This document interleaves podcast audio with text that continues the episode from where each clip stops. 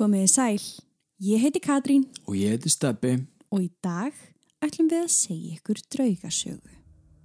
Við erum stödd í borginni Monterey í Kaliforníu.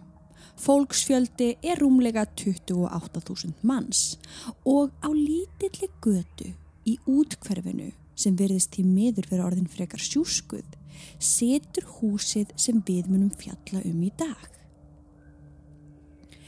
Engin paranormal rannsakandi hefur fengið leifi til þess að fara þangað inn. En satt best að segja, þá virðist þess ekki þurfa. Af því að andarnir byrtast fólki daglega og fjölmörgu vitni hafa komið fram og sagst hafa séð svartklættu konuna, litla barnið eða mannin með hættuna. En hvað eru þau að gera þarna? Í dag ætlum við að komast að því. Veri velkomin í Stevenson húsið.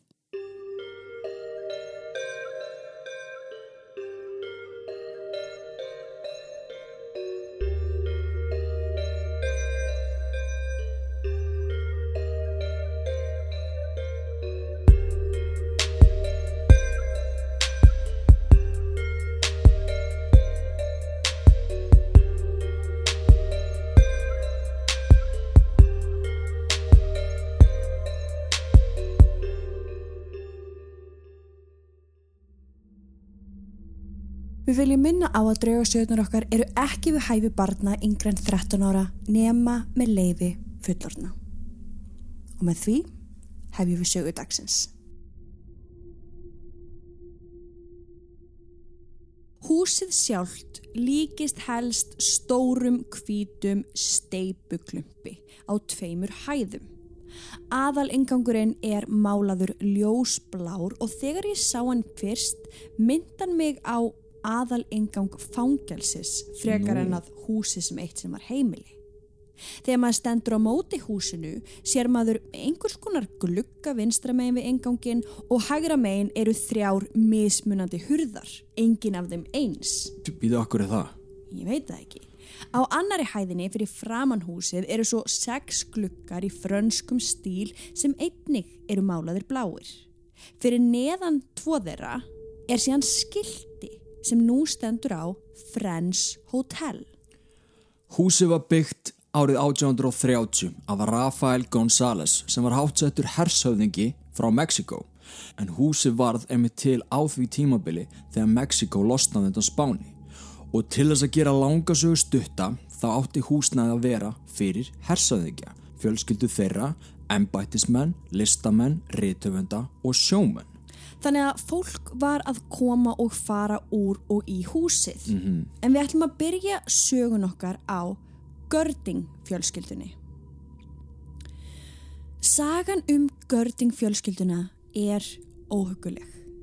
Juan Görding var svistneskur innflytjandi sem flutti til Mexiko með konu sinni, sinni sínum og konunni hans ásamt tveimur barnabörnum í von um betra líf. Ok, þannig þau voru svolítið svona öldruð. Já, Ok, konan hans deyr síðan í Mexiko og Juan verður fljótlega ástfangin af annari konu sem hétt Manuela. Fjölskyldan fekk svo það tækifæri að flytja til Monterey mögulega einhver tíman á því tímabili þegar að bandaríkinn tóku yfir Kaliforníu og á sama tíma og hershöfningin okkar er Já. að selja húsið sitt. já, Svo Görding fjölskyldan kaupir það í kringum 1870. Þau gerðu það upp og breyttu því í The Friends Hotel. Það hótel var þá þriðja hótelið í Monterey. ok, þannig að þetta voru brautriðendur. Algjörlega. Reksturinn gekk virkilega vel og þau voru vel sett fjárrakslega. En þá byrjuðu hörmungarnar. Í einhvers konar dularfullu slisi sem engin veit meira um þá deyr sonur hans Juan og tengdadóttur hans sem skilur Juan og nýju konur hans Manuelu eftir með börnin þeirra tvö. Wow, býtu og við vitum ekki hvað kom fyrir þau. Nei, Þetta var að sjálfsögðu mikill skellur fyrir fjölskylduna en þau hjónin gátt ekkert annað gert en að standa undir sínum skildum og ala upp börnin. Lífið hjælt svo áfram sinn vanagang og eins og áður þá blómstruðu viðskiptin á hótelinu. En árið 1879 átti eftir að færa fjölskyldunni frekari ógæfu. Taugaveiki kom upp í Monterey og fyrir þá sem ekki vita hvað það er þá er hér lýsing sem tekin var á vísindavefnum. Taugaveiki eða typhoid fever eins og hún kallast á ennsku smitast með bakteríu Salmonella enterica serotypa typhi. Akkurat, Vissur þetta ekki? en þetta er bakterían. Já. En eftir smitt að þá geta sem sagt liðið 7-14 dagar þangað til enginn að fyrir að verða vart. Já, þannig að þú getur í rauninu bara verið að smita fullt af fólki á hans að vita að því. Þetta er bráðsmitandi. Fyrstu enginni eru hiti sem til að byrja með hækkar yfir daginn en dettur svo niður morgrun eftir. Eftir því sem líður á veikindin fara hita topparnir hækkandi. Enginni þróast með tímanum, fyrstu vikuna eru þau aðalega dreifðir í kviðverkir, hægðatræða sem veldur svo áframhaldandi veikindum, þurr hósti, höfuverkur, óráð og sífælt vaksandi vanlíðan og slappleiki. Í viku þrjú eru almennt meiri veikindi, listaleysi og þingdartap, síkingar í augkvítinu, oföndun, veikur púls, kviður orðið mjög þaninn. Þetta, þetta, þetta, er, eru mikil veikindi. Og ef sjúklingur er enn á lífi við fjórðu viku, þá fyrir hiti minkandi og hugar ástand batnar. Já, við töluðum svolítið um taugaveiki í hérna gamla læknishúsinu, þeir sem eru áskrifundur. Alveg rétt, ég man einmitt eftir að við fórum svolítið í þessa veiki. Já. Akkurat. Þetta er bara, já, þetta er stór hættulegt. En þau náðu ekki að viku fjögur. Juan smitaðist fyrstur og deyr í húsinu þann 1. júli 1879 og nokkru mánundum setna voru bæði börnin smituð. Manuela elskaði börnin eins og þau væru hennar eigin svo hún helgaði lífi sínu að sinna þeim. Hún vakti allar nætur og hjæltum félagskap alla daga. Þanga til hún smitaðist sjálf og dó þann 21. desember 1879. Vá, sex mánuðum eftir eiginmannsinn. Þar sem bæði Juan og Manuela voru dáin og foreldrar þeirra, þá voru börnin nú einu báti og bæði að berjast við miskunnulegs veikindi. En á einhvern ótrúlegan hátt þá lifiðu þau af og áttu eftir að lifa góðu lífi í framtíðinni. Það sem er samt að sorglegasta við þetta allt saman er að Manuela sem gjörsamlega lifði fyrir þessi börn, hún dó áður en hún fekk að vita hvort að börnin myndu hafa það af eða ekki. Ó, já, auðvitað. En þú getur ímyndar hvað það, Já, sko, svona móður og föður eðlið. Mhm. Þú vilt bara gera allt sem þú getur fyrir börnin, svo veikist þú svo alvarlega að þú getur ekki sinnt þeim og þú dyrð á undan þeim. já, þetta hljómar eins og bara, emitt, fullkomin ástæða til þess að ganga aftur, til þess að ganga úr skuggum að allt segja lægi. Allar þessar hörmungar og öll þessi döðsföll voru núna tengd við Friends Hotel sem gerði það að verkum að enginn vildi kaupa það. Þanga til maður að nafni Sionu mætti á svæðið og kaupir það fyrir klink. Ok, Hann hins vegar breytti þessu hóteli í einhvers konar dvalarheimili og lefði öllum fátæku og veiku vinum sínum sem voru að kljást við taugaveikina að búa þarna frítt.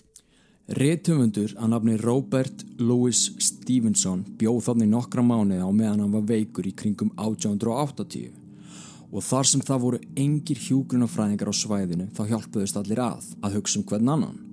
Þanga til þeim batnaði og þá gáttu þið flutt út. Einmitt, þannig að þetta er bara eiginlega stórt hús, fullt af veiku fólki.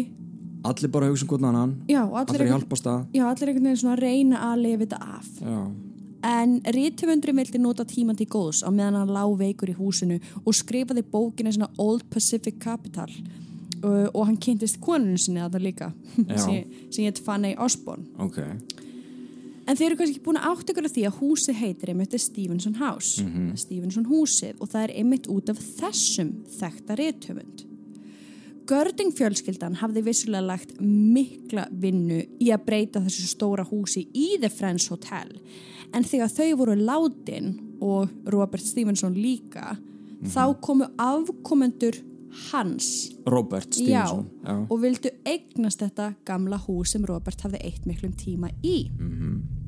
Þau hafðu geimt vandlega allar eigur hans svo árið 1940 fara þau á fund með Kaliforníu ríki já, og báru fram tilbúð sem þeir eiginlega gátu ekki hafnað. ok Þau buðust til þess að gefa ríkinu allar þar eignir sem að þessi gamli þekkti rítufundur hafði átt já, ef þeir myndu opna og viðhalda sapni í þessu húsi til heiður Stevenson. Það vildir síðan svo heppilega til að ríkið hafði einmitt keift nokkur hús til þess að gera upp og Stevenson húsið var eitt af þeim. nú Svo yfirvöld ákváðu að flytja alla þessa muni sem afkomendur höfðu geimt í öll þessi ár í tvö herbergi á fyrstu hæð húsins. Þau ákvaðu einnig að heiðra gördingfjölskylduna með því að endur gera tvö herbergi á efrihæðinni á svipaðan hátt og fjölskyldan hafði haft þau. vel gert, þannig að þarna vorum við bara komið með sapn Já.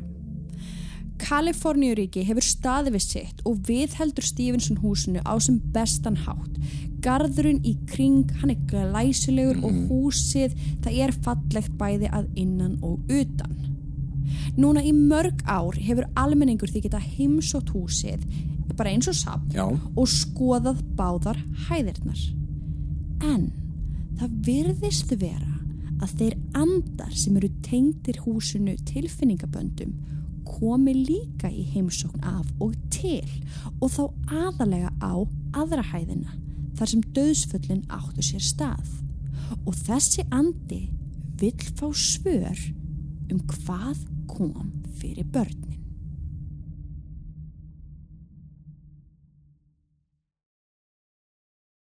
Þegar þú ert búinn að hlusta á þennan þátt skaltu kíkin á patreon.com skástrík draugasögur þar sem við bjóðum upp á þrjár mismunandi áskriftaleiðir. Draugasögur aðdáðandur fá einn auka þátt í mánuði, draugasögur fjölskyldan far fjóra auka þætti í mánuði og draugasögur kynnslóðin þar sem þú far fjóra auka þætti hverju mánuði, eina mínisögu í hverju viku, sönnunagögn og myndefn úr öllum rannsóknum okkar, tekur þátt í spjallþáttum með okkur og margt, margt fleira.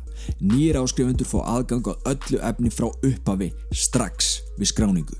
Eftir hver er þú að býða?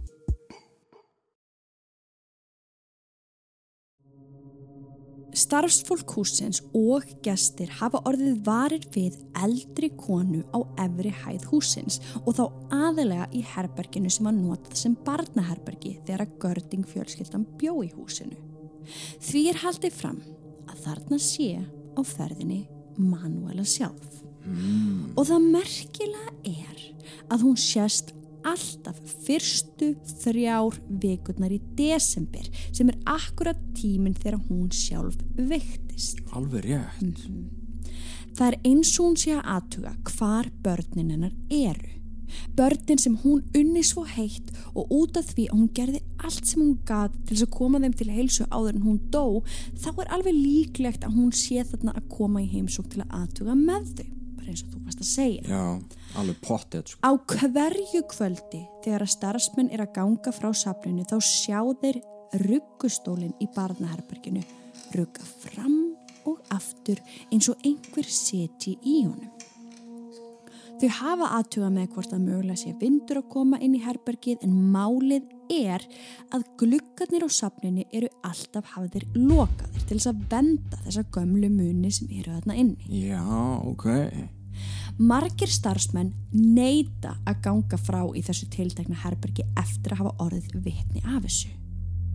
Gestir sem heimsækja húsið og ganga svo inn í gamla barnaherbergið hafa margir kvarta yfir óþvara lykt.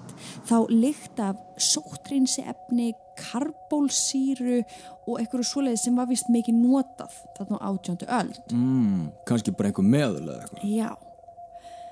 Einn eldri maður var eitt sinna að skoða safnið og þegar hann gengur inn í gamla barnaherbergið þá finnur hann fyrir einhverjum strjúka sér á miðju bakinu og þá aðalega hægra megin.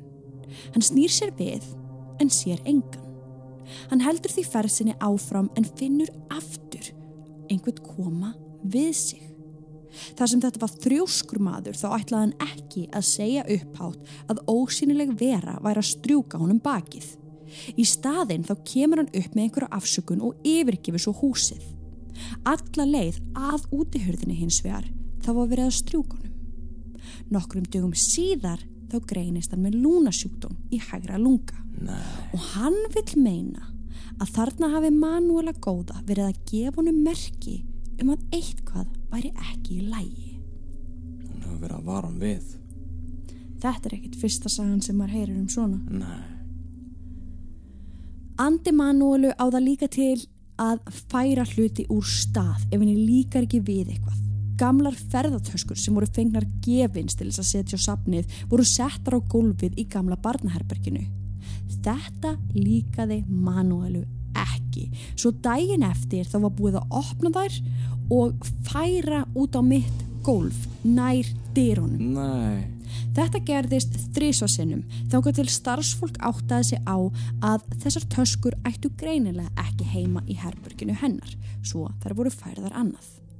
Sömuleiðis ef að nýjar bækur eru settar í bókaskapin þá finnast þær oftar en ekki á gólfinu daginn eftir.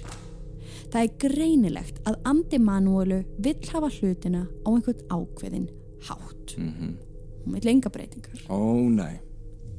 En svo er það annar andi sem hefur sést á safninu. Já. Kona í svörtum kjól. Og þetta eru þetta bara Manuela. Já, ok. Þú Veist, Þau eru vissum það. þau eru nokkuð vissum. Ég Já. menn allt því ég var að lýsa áðan fyrir þér. Mm Það var engin sín þar. Nei. Nei. Þa, það var bara að vera að reyfa hluti og alls konar. Mm En þessi kona, þau vita náttúrulega ekki alveg hver hún er, Nei. en líklegast er þarna Já. um að ræða. Akkurat. Hún hefur byrst gestum spó skýrt að flestir halda að þarna sé starfsmæður sapsins að því að hún er í svona gamaldags klæðum Mm. og margir hafa heilsað henni og búið henni góðan daginn. En hún svarar þó engum sem sumir telja að vera ókurteisi en það veit þetta fólk ekki að það er að heilsa draug. Barbara, kona sem sér um safnið, lendi eitt sinn í henni. Hún var að ganga frá eftir lokunin á safninu þegar hún sér þessa konu í svörtum síðum kjól með blúndurkraga. Hún sér konuna standa við gamla barnarúmið og horfa niður á það. Barbara segir undrandi að safnið sé lokað og að hún verða að koma sér út áður en hún læsi. Konan lítur þá upp, kinkar kolli eins og hún skilji hvað Barbara er að segja. Barbara gengur síðan fram hjá herberginu að skáp sem var alltaf hliðina og setur um föt sem hún hafi brotið saman og fer svo aftur að herberginu. Konan var greinilega ekki farin af því þá hefði hún þurft að ganga fram hjá Barbaru. Svo hún gengur aftur að herberginu en þá er þessi djölafulla kona horfin. Þetta er magna. Hún skildi greinilega bara, herri, já, ok, ég skal fara bara svona fyrir þig. Já. Andi Manuelu virðist líka rífast af börnum. Einn daginn var sjör og strákur á safninu með foreldrum sínum. Foreldrar hans voru að taka sinn tíma á neðrihæðinni svo hann hleypur upp og sest á koll sem var fyrir utan gamla barnaherbergið. Þegar hann lítur síðan inn í það, sér hann þessa svartklættu konu en í þetta skiptið var hún með hvítt sjál. Nú, Strákurinn varð ekkert hrættur, heldur þvert á móti þá átt hann samtal við konuna sem brosti til hans og setna þá líst hann henni sem vinalegri. Þegar hann heyri svo að foreldrar hans voru að koma upp stegan þá lítur hann frá herberginu að steganum en svo aftur inn í herbergið. En þá var þessi vinalega kona horfin. Annar andi sem sést reglulega og aftur í gamla barnaherberginu er lítil stúlka. ó. Engin veit nákvæmlega hver hún er. Mögulega barnabarn Manuelu sem lifði taugaveikina af en er Já. kannski komin aftur í gamla húsi sitt. Mm Gæti verið. Já, fyrsta manuál er þarna. Nú eða dóttir einhvers sem mitt sem bjóða þarna. Það getur líka verið. En þessi litla stúlka hún hefur byrst gestum og gangandi reglulega en flestir sjá hana bara örsnögt áður en hún hverfur. Grænt ljós hefur líka sést í kringum hana og oftast sést hún setja á gólfinu eins og hún sé að leika sér. Ok. En svo er það hinatvikin. Starfsfólk verður reglulega vart við einhvern hóstæðin í húsinu þó denga sig að sjá. Og svartklættur maður með hættu svífur um gangana en jafn hratt og hann byrtist þá hverfur hann. Og engin veit hver hann er. Nei, ég veit engin hver þessi maður er og ég gerir mér ekki alveg grein fyrir hvaða maður þetta er sko. Nei, en ef það hafa margir verið þarna að klíma við sjúkdóma, þú veist, örgla flestir dáið, Í meiri hlutin, já. meiri hlutin. Og hóstin þarna er residual, af Já. öllum sem voru að klíma við veikindi þarna, trekk í trekk. Mm En finnst þér ekki ótrúlegt að það megi engin paranorma rannsakandi fara að inn og skoða? Mér finnst það mjög skrítið. Þeir vilja semst ekki að neitt muni eftir þessu húsi um, sem draugahús heldur frekar sem sögulegu húsi Ég skil. mm, Já, það eru, það eru margir, þú veist, við þekkjum það líka bara á okkar ansóknum að það eru margir sem að vilja bara hafa hlutina svona og vilja ekkert raska því neitt. sem er einmitt samt svo skrítið vegna þess að það er ekki eins og saga húsins gleymist eitthvað eða verði eitthvað minni þrátt fyrir að, maður, þáttur að paranorma rannsakendur komi og aðtögu hvað er í gangi að nynni þvert á móti, þá verður móti bara, nefnilega. þú veist, betur sögð og skýrari og, og bara jafnvel falleri. Þannig að þetta er það sem er að gerast inn í Stevenson húsinu í dag. Og safnið er opið öllum alla daga nema miðvíkudaga frá 10 til 11 og frá 1 til 4 og ef þú ferð og þá kannski sérstaklega ef þú ferð með börn vertu þá varðbergi við hvern það talar. Og ekki láta þér bregða ef það segist sjá svartklæta konu rugga sér í ruggustólum Mundu þá bara að þú þarft ekkert að óttast því við verðum að sætt okkur við það að þau eru allstaðar við bara sjáum þau ekki alltaf